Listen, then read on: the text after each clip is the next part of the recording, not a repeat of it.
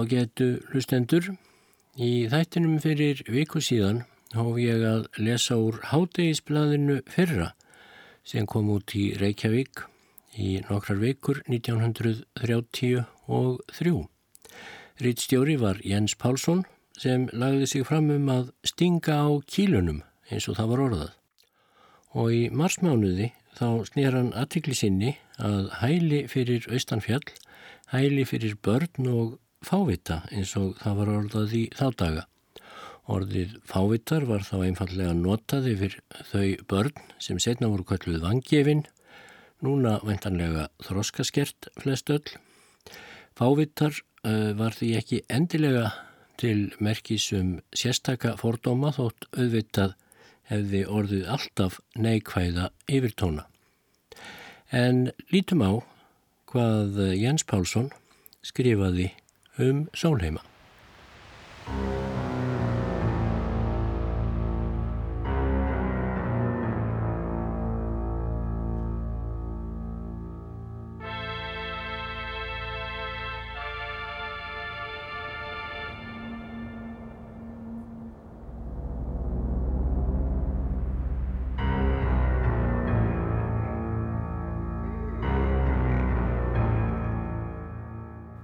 Skammarleg meðferð á börnum.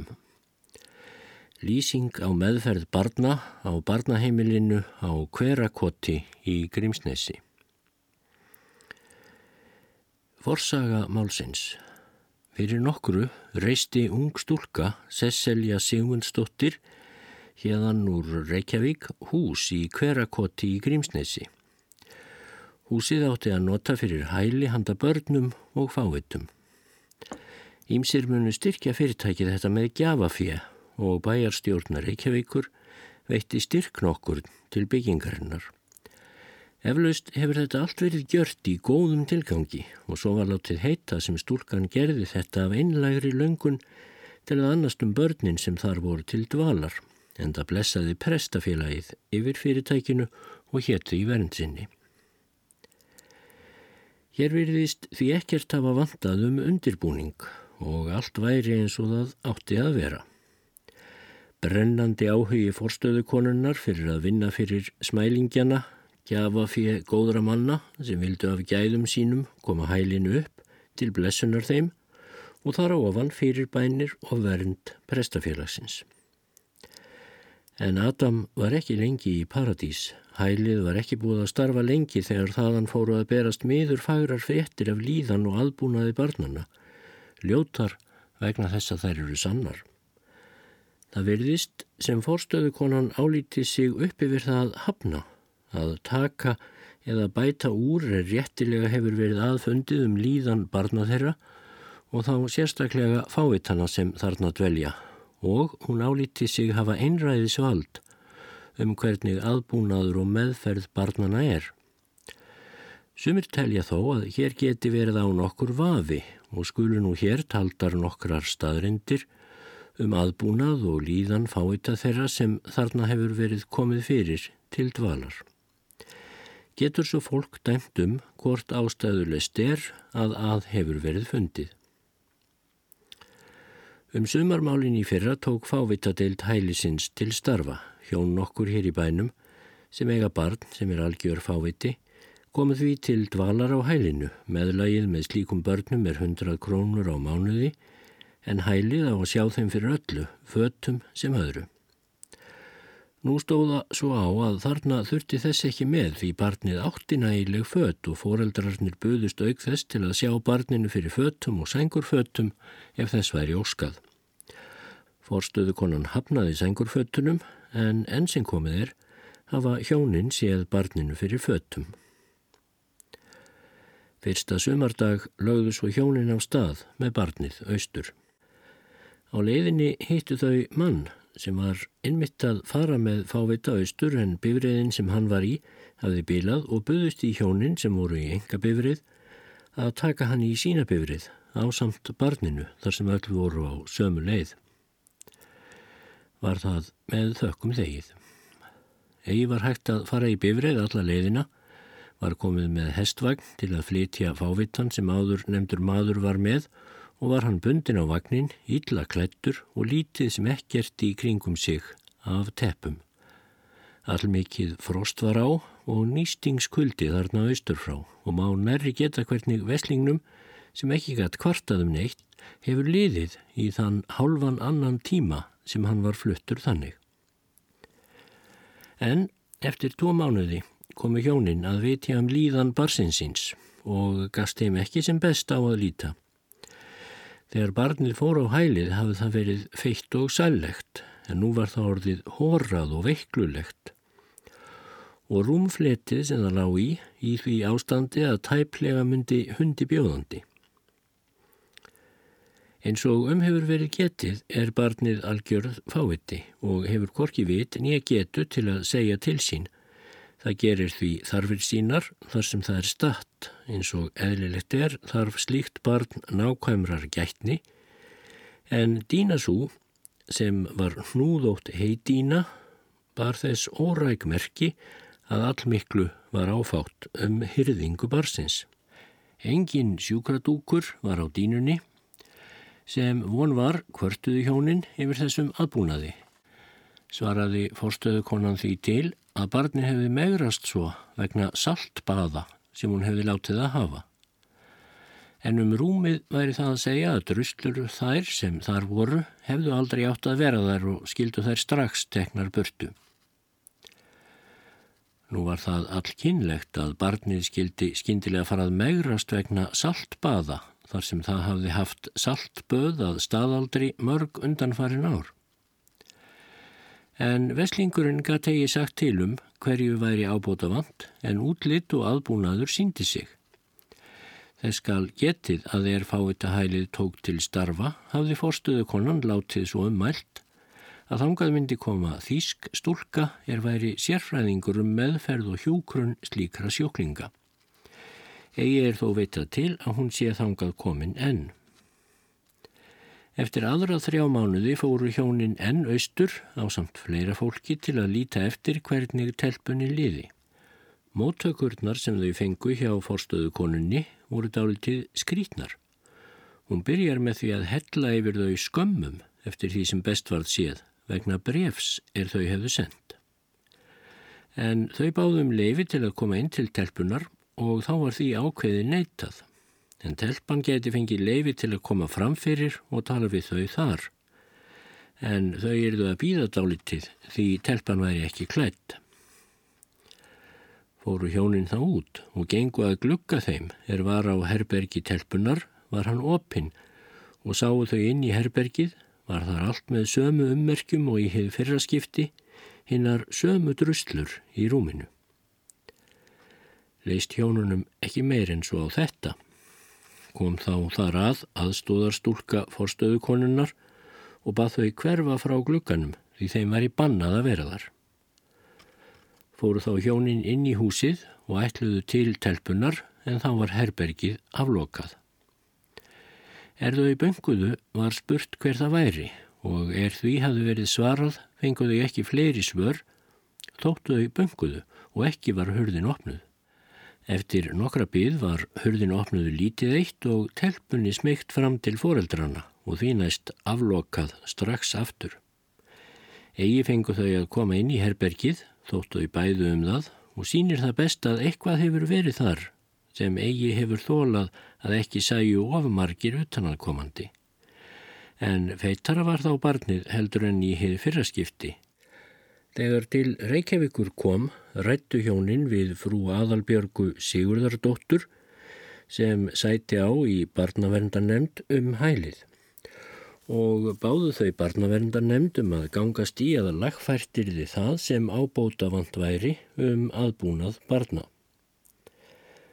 Mun Magnús Vaff Jóhannesson fátækara fulltrúi þá hafa skrifað forstöðukoninni og farið þess á leit að úrriði bætt því sem áfátt hefði reynst. Og þetta var sem sagt fyrir greinin og svo næsta byrtist í hátegisbræðinu strax daginn eftir skammarleg meðferð á börnum, lýsing á meðferð barna og barnaheimilinu og hverakotti í Grímsnesi. Síðast fóru hjónin umrættu austur í haust fyrir hluta nógumverðmánadar. Var þá Magnús Vaff Jóhannesson fátækra fulltrúi með í förinni. Forstöðukonan var ekki heima er þau komu. Skoðuðu þau þá hælið, var þá aðbúnaður allur sá sami í rúmi telpunar og í hinn fyrirskipti. Einnig var sveipað og síst betri aðbúð annars fávitans sem var í sama herbergi. Áleit Magnús þetta óforsvaranlegan aðbúnað begja barnana. Rúmin óþreifaleg og dýnur þær sem telpurnar lágu á göttóttar, sennilega að fúa. Ekkert bað eða klósett var í kjallaranum þar sem fáitarnir voru. Eftir að Magnús kom aftur úr förinni mun hann hafa kvartað við forstöðukonuna breflega, um það er honum fannst aðtóvert. Einnig mun hann hafa talað við barnavendanemnd um það að ástand og rekstur heimilisins væri ekki eins og vera bæri. Skömmu eftir að Magnús kom heim aftur átti fórstöðu konan tal við hann og skammaði hún hann mjög, sérstaklega fyrir að hafa ekki látið sig vita áður en hann kom austur. En til hvers ætli það hafi verið. Það er tæplega hægt að leggja annan skilningi í það en þann að heimilið sé ekki venjulega í því ástandi að tiltækilegt sé að ókunnugir sjáu það eins og það líti venjulega út, heldur verði að gera þar ekstra reynd ef vonir á einhverjum ókunnugum, er slíkt tæplega meðmæli. Garður hafði verið útbúin við húsið sem ætlaður var börnunum til leika er þau væri úti en sjónarvottar lýsa honum þannig að hann hafi ekki verið stærri um sig en lítið herbergi og var girt í kringum hann með mannhæðar hári járngirðingu. Bráðulega var þessi girðing þó rifin burtu en flægið hefur sést og mun líklega enn móta garðstæðið við eins og að líkum lætur hafa börnin verið fljót að tróða niður grasrútina. Hjón sem áttu barn þarna austur frá höfðu tilkynnt að þau kæmi austur í tilefni af afmæli barsins. Var það þvegið og strokið inni við en hinn börnin voru úti, var þá regn og því mjög blöytt úti. Annar maður sem átti barn þarna kom einnig austur þennan dag en honum leist ekki betur á hyrðingu barsins síns en svo að hann hafði það heim með sér en það má geta þess nærri hvernig útlýtt smábarna muni vera sem látin eru vera aðgæslulegis úti í bleitu og regni, berfætt. Börnin hafa gaman af að vaða pollana, ekki síst þegar þau eru nú berfætt. Fólk getur því getið sér tilum hvernig útlýtt barnana hefur verið þegar þau eru látin einum hittuna. Fleiri aðstandendur munu hafa svipað að sögu að segja. En hvernig er um þau veslingsbörn og fávita sem þarna er fyrir komið af hinnu ofinbera sem eiga sem sagt enga aðstandendur og engin lítur allavega eftir. Þeir sem þekkja til umhyggju sveitarfélag og bæja fyrir þeim er það hefur á framfæri sínu geta getið sér nærri um hver það eftirlit sé ríkt með þeim börnum sem þarna eru undir þeim kringumstæðum. Hælið hefur hingað til starfað læknis eftirlitslöst og hafa sumir foreldrar eða aðstandendur barnana talað um það við barnavendanemnd.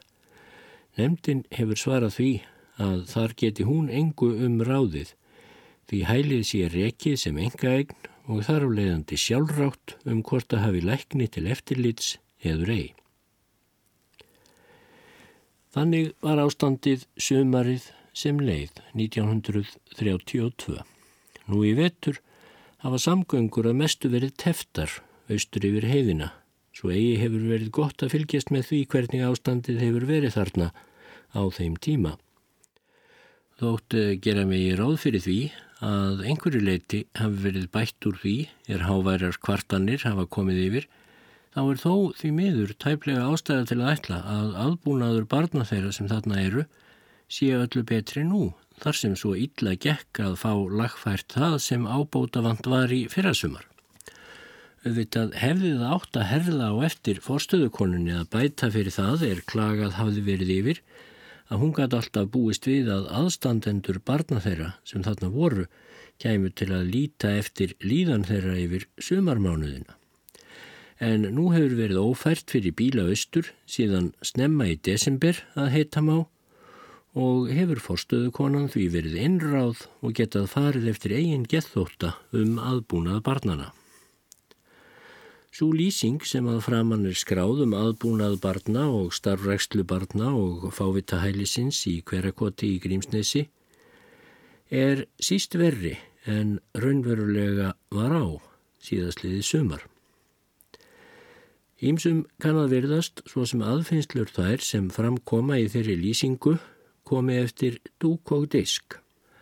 Á öðrum stað eru færðar sterkar líkur fyrir því að ymsu sé þar enn ábótavand og þótt að bót hafi verið ráðinn á ymsum þeim göllum sem getið hefur verið um, þá munum þó enn vera nægilega margir til sem réttlæta að grein þessi sé komin fram, sem ymsar ástæður sem eigi munu að sinni greindar hafa valdið að kom ekki fyrr.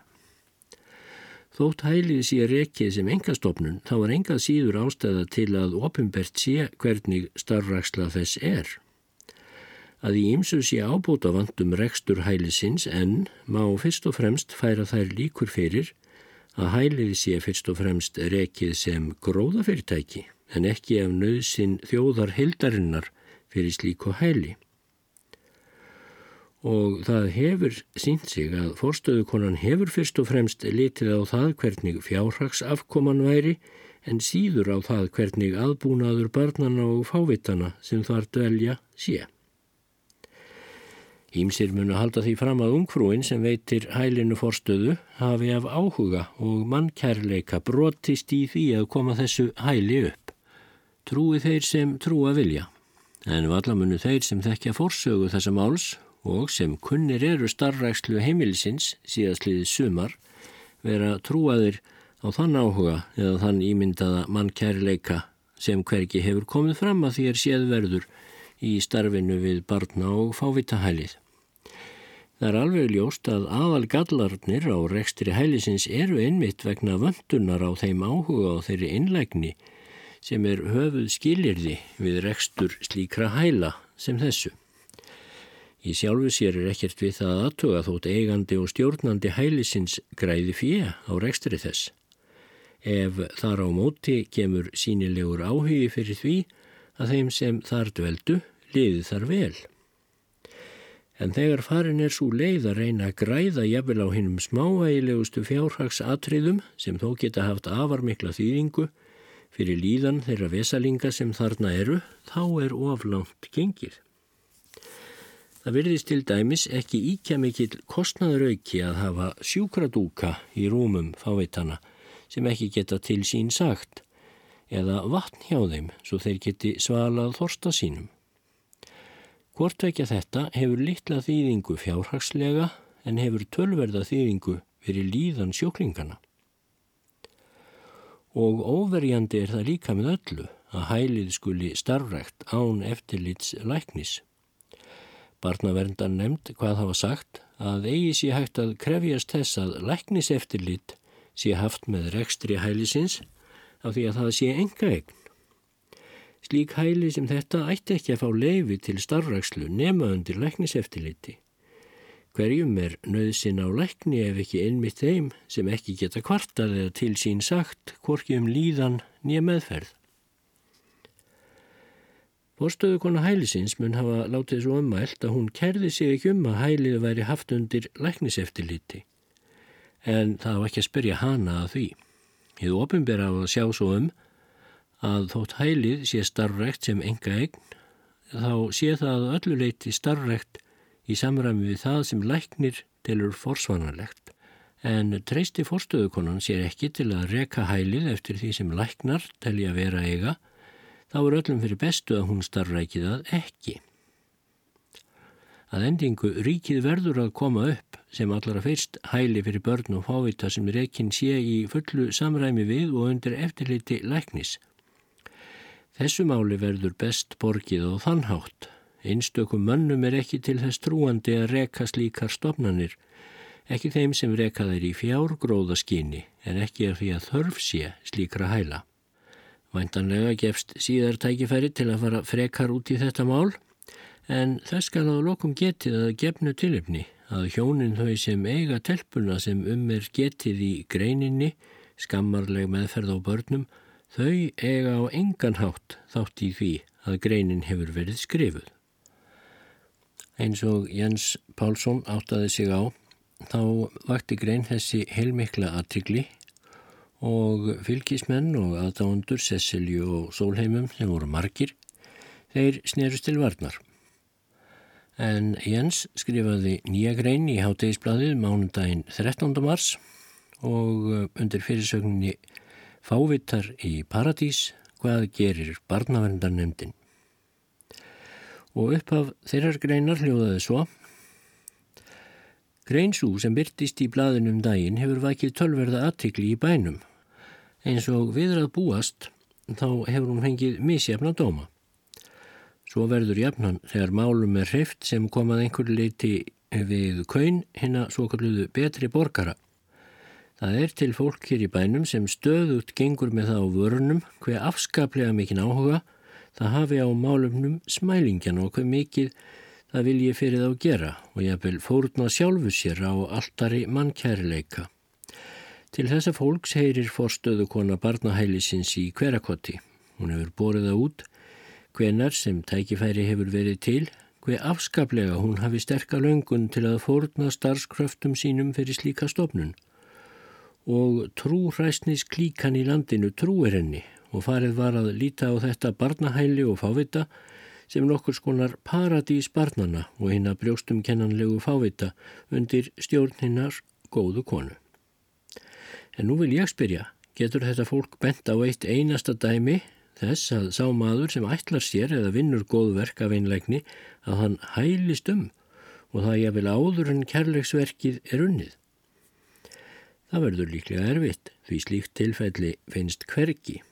Það er því sínilegt að sá söguburður sem upp hefur verið spunnin um fórtvísi fórstöðu konu barnahælisins í hverakotti fyrir málumnum barnana og fávitana er uppspunni sem búin er til af henni sjálfri og drift út með aðstóð klíku þeirrar sem áður hefur verið nefnd í þeim einatilgangi að falsa fólk til að koma börnum sínum fyrir til dvalar á hælinu svo að eigandi og stjórnandi hælisins geti grætt á því.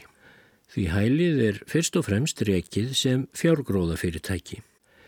Ef fórstöðukoninni hefði í rauninni verið það eins mikið áhuga mál eins og hún ber og lætur hvar sem hún kemur að fórna starfi sínu í þá mann kærleika þá var auðveldasta og greiðasta leiðin fyrir hana að láta börnin og fávitana sem faldir voru hennar um sjá bera þess vittni með útliti sínu og aðbúða að svo væri en hafaðu gert það Nei og aftur nei. Ég geng þess ekki dölinn að fólk það sem bak við þessa forstöðu konu stendur muni ærast út af þessum ummælum mínum. Svo er jafnan ef trú og góðgerða starfsemis hræstnurum er sagður sannleikurinn, kaldur og miskunar laus. En ég verð að segja að lítil skóðs er það fólk maklegt sem stöðugt gengur með það á vörnum að það megi ekkert aumt sjá og jafnum sé reyðu búið að fórna sér á alltari mannkærleika og fórtvísi, en er svo, hvenar sem er, reyðu búið að ganga með reddandnefa og gapandi gíni á móti hverri þeirri réttmætu ásökun sem framkemur um störf þess án þess að gera þó tilraun til að bæta um. Svo fór að greinum hátegisblasins var svarað í öðru bladi. Það var sína áspjörstóttir, leikfumikennari, sem svaraði með tveimur stuttum greinum í vísi og það er ekki hægt að segja að hún hafi gengið fram með rittan nefa og gapandi gíni á móti ásökunum hátegisplassins. Þersta móti einkendust skrifennar af hógverð og lítillæti og um, hún hvaðst vilja leggja sig alla fram um að upplýsa hvernig ástand mála á barnahælinu væri í raun og veru. Lýsing á barnaheimilinu Sólheimar í Grímsnesi Þar sem ég dvaldi þrjá mánuði síðastliði sömar á barnaheimilinu Sólheimar get ég ekki látið hjá líða að gefa nokkrar lýsingar af heimilinu að gefnu tilefni. Ég hef einnig átt þar tvö börn, dóttur sem hefur starfað við heimilið og annað barn yngra. Hafa þau verið á heimilinu bæði að mestu leiti nú í tvö ár og er yngra barnið mitt þar núna og er mér því heimilið kunnugra en flestum öðrum. Neðri hæð húsins er jöfn grundvellinum að framann. Þar er deild fávitana, eru þar þrjú herbergi móti sól sem notuð eru fyrir þá. Aðbúnaður fávitana var þannig þann tíma er ég dvaldi þar í einsta herbergi sváfu tvær telpur, fávitar, í miðherbergi stúlkur þær er gættu fávitana, gættu þær þeirra frá því þeir komu og til septemberloka. Í fremsta herbergi sváfu aðrar tvær telpur, fávitar, og var það herbergið stærst og notað sem setustofa á daginn og rúmfötinn tekin upp. Um rúm þessara barna er þetta að segja. Í rúmunum eru dínur en ekki heidínur því engin heidína er til á heimilinu. Þar á að vankemur sjúkradúkur og rekkjuvóðir, kottar, svo í stað fýðurdína er notuð teppi með sengurverum og eru teppi notuð af hreinlætis ástæðum þar sem þessi raumingjar sem þarna eru bleita svo rúmin að oft verður að taka allt úr rúmunum á hverju morni og þvó. Herbergi þessi eins og allt húsið eru hituð með hveravatni svo nógur er hitin nætur og daga. Aðlýning þessara barna er að mínu áliti öllin besta. Á mornana þegar telpur þessar voru klættar og þær búinar að matast var farið með þær út þegar veður lefði. Þegar nógu heitt var var farið með þær í skíli þar til gert, þær afklættar og látnar vera í solbaði vissan tíma. Daglega voru telpur þessar baðaðar úr saltvatni, það vísu er ekki baðger eða salerni í þessari hæð húsins, en vatn og niðurrensli, en það finnst mér að ekki sé það neitt ókostur, þó ekki sé salerni þarna niðri, þar sem aumingjar þessir eru svo miklir vesalingar að þær gera allar sínar þarfir hvar sem þær eru stattar. Hvað baðinu viðvíkur, þá er það á miðhæð húsins og aðeins upp einn stiga að fara og voru telpurnar þá ímisti leittar eða borðnar af stúlkum þeim sem þeirra gættu. Og það get ég sagt með sanni að ekki er hægt að sína meiri umhyggju og alúð en stúlkur þessar síndu fávitunum því eins og gefur að skilja þarf mikið þrek og þólinnmæði við þessa vesalinga. Þegar tvær af þessum telpum komu á heimili þá var önnur þeirra kreft og bógin af of miklum rúmlegum en hinn var öll blóðrýsa á líkamannum því hún reif sig til blóðs en með því aðgjastla var hafð á að klippa af henni neglur þá hörfu þessar skrámur af henni eftir stuttan tíma. Einning veit ég að saltböðin hafa gert henni gott því þau hafa haft þau áhrif að taugarnar verða rólegri en eftir því sem foreldrar telpunar sögðu við stúlkur þær sem fávitana gættu þá hafi telpan aldrei fengið saltböð fyrri og þarflegandi getur verið að hún hafi megrast fyrst eftir að hún fór að fá böðin. En það er mér óhætt að segja að nóan og kjarngóðan mat fengur telpur þessar eins og líka allir aðrir á heimilinu og á millimála fengur telpurnar mjölk að drekka. Ekkert vitværi hins vegar í því að láta standa mat eða vatn inn í hjá þeim þar sem auðmingjar þessir kunna sér ekkert magamál. Sem dæmi get ég nefnt að að þegar foreldrar einnar telpunar komað heimsækjana þá gáfu þau henni svo mikið salgæti að hún varð veik af. Eitt vil ég taka fram um hinn að umrætu telpu. Það er í sambandi við fávitaskap hennar. Það er algjörlega óhugsandi að hún geti fitnað á meðan hún heldur uppteknum hætti. Það bar strax á þessu þegar hún kom á heimilið og þykir mér ólíklegt að fóreldrarnir hafi ekki vitað um þetta er telpan fór frá þeim.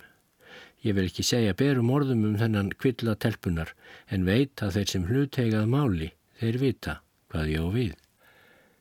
Þá snýði mér að barnadeildinni. Ekki get ég hugsað mér neina aðra stopnun sem ég vildi mæla með til barnauppeldis fremur en innmitt barnaheimilið sólheimar. Af viðkynningu þeirri sem ég hefi sjálf haft af heimilinu og eins hvað hefur komið fram við börn mín. Ég vil nú með nokkrum orðum lýsa hvernig deginum er skipt niður fyrir börnin. Um klukkan átta á mornana eru börnin klætt en sum eru það stálpuð að þau geta klætt sig sjálf, svo eru þau þvegin og greitt. Klukkan hálf nýju matast þau. Þegar það er afstæðið er farið með þau út, Var ávalt ein eða tvær stúlkur að gæta barnana úti við, er stórt svæði á túninu sem er leikvöllur þeirra og eru það rólur og fleira þeim til gamans. Klukkan half tólf borða þau hátegisverð, þegar gott er veður þá mótuðust þau úti, en að máltíð lokinni voru öll börn sem voru yngri en fjögra fimm ára látin kvíla sig tvær stundir daglega. Klukkan þrjú var drukkin mjölk Þegar heitt var afklættu börnin sig og tóku solbað en ef ekki var nægilegur hitti til að þau getu farið úr föttunum þá þótti þeim betra en ekkert að fá að fara úr sokkunum. Aldrei var ég vörfið að þeim erði neitt mynd af að vera berfætt en það veit ég að læknar álýta það ekki helsuspillandi. Þegar berinn voru komin fenguðu þau að fara í berjamó og var þá stúlka alltaf í fylg með þeim. Klukkan sex borðuðu þau kvöldverð, svo háttuðu þau og var þeim þvegið, svo í rúmið. Þá var klukkan venjulega hálf átta. Þegar börnin voru komin í rúmið var sungið með þeim vers. Á laugardögum voru öll börnin böðuð, færði hreint og láti hreint á öll rúm. Þess er vandlega gætt að við hafa alla reglu og þryfnað á heimilinu. Á sunnudagskvöldum kallar forstöðukonan öll börnin saman og segir þeim fallegar og lærdómsríkar sögur og leggur út af þeim og er það ánægileg sjón að sjá gleði brosin á öllum litlu andlitunum. Hinn unga stúlka sem ráðist hefur í að setja á stopn, svona þýðingar mikla stopnun eins og þetta barnaheimili, á mikla virðingu og þakkir fyrir sín óeigingjarna áhuga. Að mínu áliti er forstuðu konan sérstaklega fær til að gegna þeim vandasama starfa að hafa uppeldi barna á hendi, bæði sökum eigin mannkosta og mentunar í þessari grein. Er mér kunnugt um að hún dvaldi lengi erlendis til að nema uppeldisfræði. Var hún á sjúkrahúsum, barnaheimilum, fávitahælum og skólum. Likur það því í augum uppi að stúlka með þessari mentun er færari til að annast uppeldi barna en almennt gerist. En það sínir heilsufar barnana að fæði og annar aðbúnaður er góður þar sem aldrei hefur þurft að sækja lækni í sjúkra tilfelli en héraðslæknir og fleiri læknar hafa skoðað börnin en ekki fundið neitt að. Eins er mér kunnugt að héraðslæknir var ráðinn af henni sjálfri til að hafa læknis eftirlit með heimilinu. Engin börn eru tekin á heimilið nema læknisvottorð fylgi um það að börnin séu ekki haldinn smittandi sjúkdómi en börn hafa verið senda á heimilið að læknisráðum ef þau hafa verið vesaldarleg og ídla geta þrifist og sínir það best tröst lækna á heimilinu. Ólíklegt þykir mér að stúlka sem aðeins hefur í huga að gera svona stopnun að gróðafyrirtæki leggja eins mikið á sig og forstöðu konan á sólheimum gerir þar sem hún gætir sjálf minnstubarnana nætur sem daga. Og vissi ég til þessi sumar að þar voru börn meðgjafar löst frá fátækum heimilum hérðan úr bænum.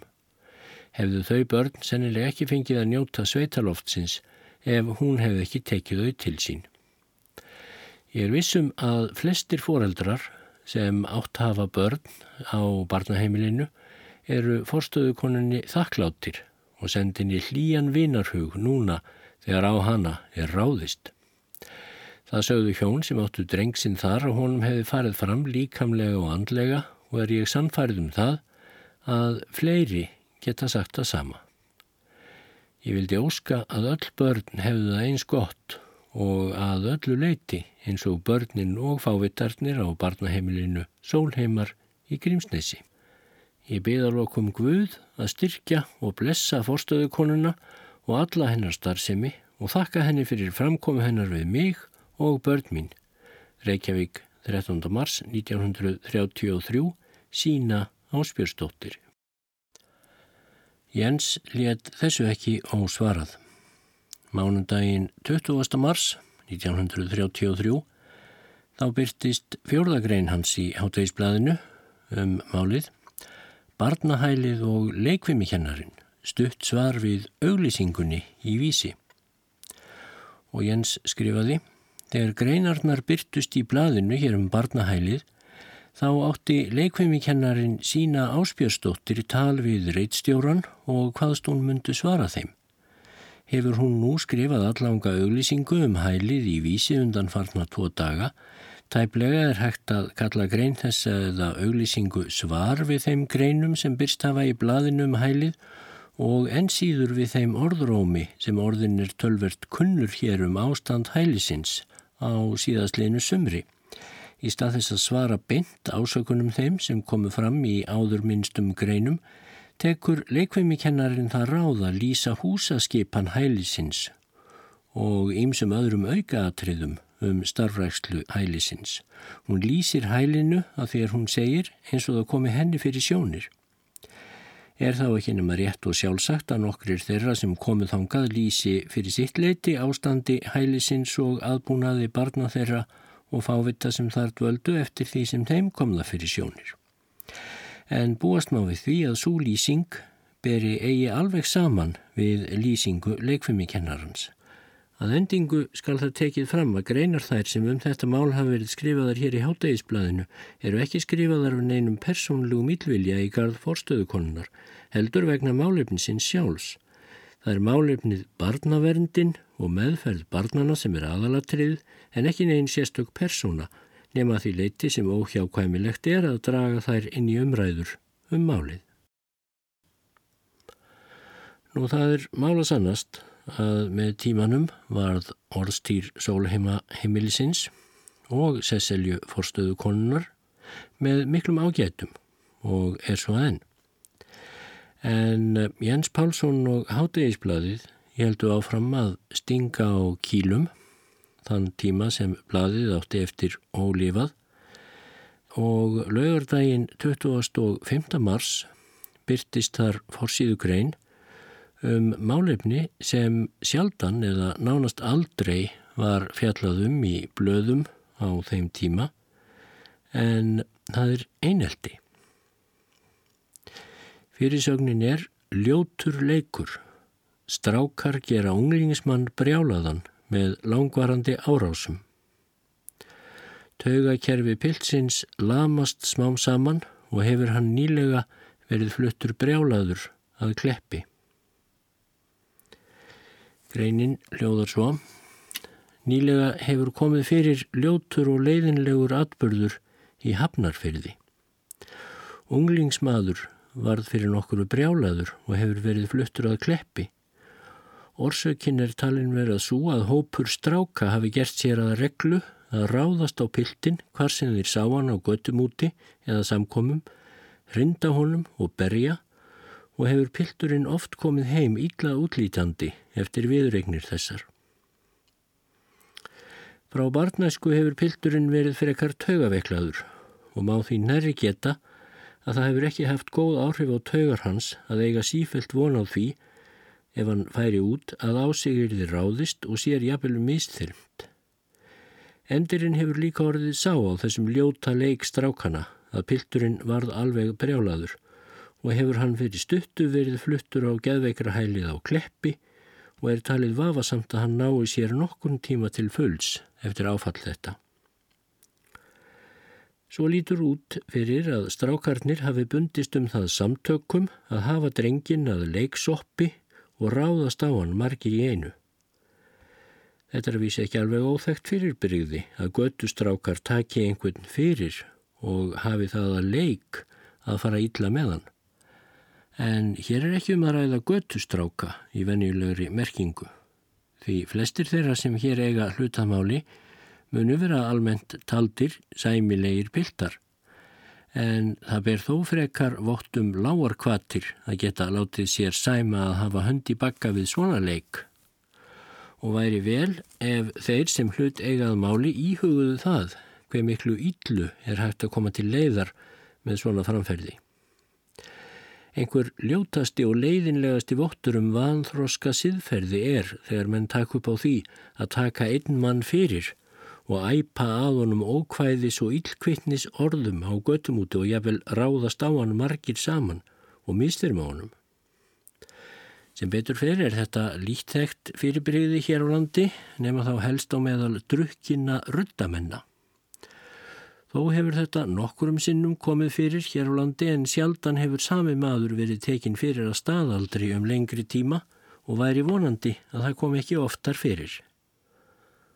Eitthvað mun það hafi verið ofmælt hjá hátægisbladinu að svona eineltismál komi sjaldan fyrir á Íslandi en hvað sem mannum þykir um uh, vinnubröð hátægisbladsins svona yfirleitt þá var þó í alla staði virðingarvert af blæðinu að taka svona mál fyrir og því var reyndar fyllt eftir því mánundaginn 27. mars þá byrtir blæðið viðtal við aðstandendur piltsins sem varð fyrir eineltinu. Fyrirsögnin er líf unglingsmanns eðilagt, göttustrákar verða valdir að brjálsemi ungsmanns, viðtal við ættingi hans. Blaðið hefur aflað sér frekari vittnesku um hinn hörmulega atbyrði í Hafnarfyrði um mannin sem gerður var brjálaður. Snýri blaðið sér til aðstandenda hans og fekk eftirfarandi upplýsingar. Pilturinn er 21 árs gamall, hefur hann undanfarna vetur verið á skóla, síðastliðin vetur var hann á mentaskólanum á Akureyri. En hann varða hægt að námi þar vegna fjárskorts. Ekki hvaðu aðstandendur piltsins hafi verulega á því borið og sérstaklega væri að honum veist fyrir en hann á síðastliðinu hausti eftir að hann kom af síldveiðum hafi hann þá nokkrum sinnum komið illa til reyka heim með rífin föttinans og hann barinn og blóður. Aldrei hafa hann þó verið fáanlegur til að segja hverjir hafi leikið án þannig. Pildurinn var að eðlisfæri léttlindur og mest í meinleysis maður en frekar kjarklítill og mun lít hafi verið um það gefið að berja frá sér.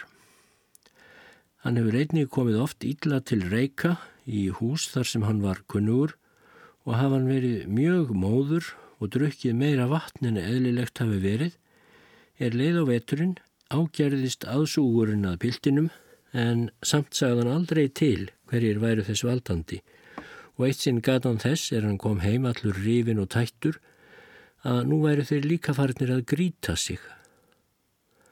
Nokkru setna kvartaðan um það við bæjarfókjettan í Hafnarfyrði að hann hefði ekki frið til að ganga eftir göttunni fyrir árásum og fór fram á að fá vernd fyrir slíku.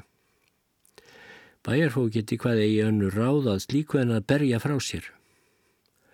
Svo var það að síðustu að hann kom eitt sinn heim af skemmtun, skömmu eftir jól, var hann þá mjög illa útlítandi rifin föttinans og allur blár og blóðugur. Fór hann ekkert út í fimm vikur eftir þetta, fór þá að ásækja hann þunglindi og ágerðist það mjög. Talaðan vart orð en hafði áður verið mjög gladlindur. Að síðustu hætt hann að geta sofið og varð svo úr því geðveikur.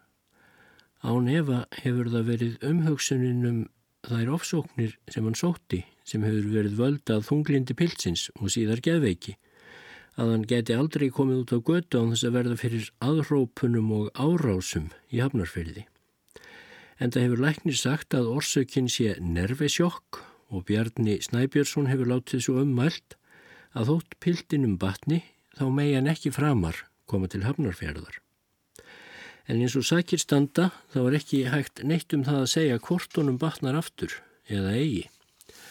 Aldrei hefur borið á neinu því sem bent geti til þess að pilturinn væri geðveikur áður að þetta gerðist, en hann hafi verið kjarklítill og ófús til barsmíða. Ekki er vitað um neina ástæðu fyrir því að hann hafi verið tekinn fyrir á þennan hátt. Jafnaðarlegast munu það hafi verið nokkri strákar á hans er ekki sem ráðist hafa á hann, en engin vissa er fyrir því hverjir þeir voru eða hvort það voru alltaf sömu strákarnir. Þannig var í fáum orðum frásögn svo sem bladið hefur fengið um atbyrðennan. Þetta er ömurlegur og fátíður atbyrður hér og betur hann eigi ekki eftir að endur taka sig. Þetta ætti að vera nægileg viðvörun fyrir þá sem á þessu eru valdir að fremja slíkt eigi framar. Það er að jafnaði ítlagert og ómannlegt er margir menn ráðast saman á einn. Það ber vóttum lágar eðliskvatir götustráksins. Það er alltaf ljótt, en það þótt að hafi ekki samskonar afleiðingar í förmið sér sem hér, þegar margir taka sig saman og leggjast á einn, hvort heldur það er í orði eða verki. Hundum er jafnan bröðið um það að þeir séu gjarnir á að ráðast á þann sem er veikastur fyrir í þeirra hópi. En sá sem á er ráðist þarf ekki alltaf að vera veikastur fyrir. Engin má við margnum og þótt að hafi eftir vill ekki varanlega skadalega áhrif, þótt svo komi fyrir einu sinni, þá má þó, jáfnvel þóttum sterkbyggða menn að ræða, veikja þá og eiðileggja þegar það endur tekur sig hvað eftir annað við sama mann og hann finnur sig aldrei með að ganga óhulltan fyrir árásum. Það getur enda tæplega verið upp lífgandi tilhjóksun að eiga vona á því í hvert sinn sem maður fer út að koma heim aftur barinn, blóður og rifin.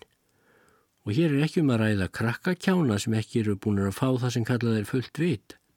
Nei, það eru næstum og jáfnvel alveg fullþroska menn þótt þroskið þeirra á þessu sviði sé greinilega á afar lágu stíi. Það eru þeir sem hér er að verki. Þið ungu menn sem hafið haft hönd í bakka í þessu óhæfu verki, hugsið um það hvað þið hafið gjört. Hugsið um það ránglæti sem þið hafið haft í frammi við einn af stallbræðurum ykkar. Setjið ykkur í spór móður og sískina sem hafa orðið að sjá á eftir síni og bróður á geðveikra spítalan, þann ömurlegasta stað sem finnst. Aðtugið hvaða sorg þið með verknaði ykkar hafið bakað ættingjumanns og vinum, lítið í ykkar eigin barm, einhver tíma eigi þið ef til vill börn, setjið ykkur fyrir sjónir að einhverjir af stallbræðurum þeirra væru einsað og afleðingin er þessu sama, þá mynduðu skilja hvaða glæp þið hafið nú framið á unga manninum sem lekuð ykkur að að eidilegja. Það er ljótur leikur að ráðast margir á einn og engum góðum drengjum sambóðið Jafnvel þótt sá sem á er ráðist sé hverjum hinna yfirsterkari. Það er betra að falla með sæmt en lífa við skömm. Hver sá sem ljær hönd eða orð líð, þeim sem margir eru um einn, er að minni drengur en meiri ódrengur og það gerir engin sá sem vil halda heðri sínum og skertur.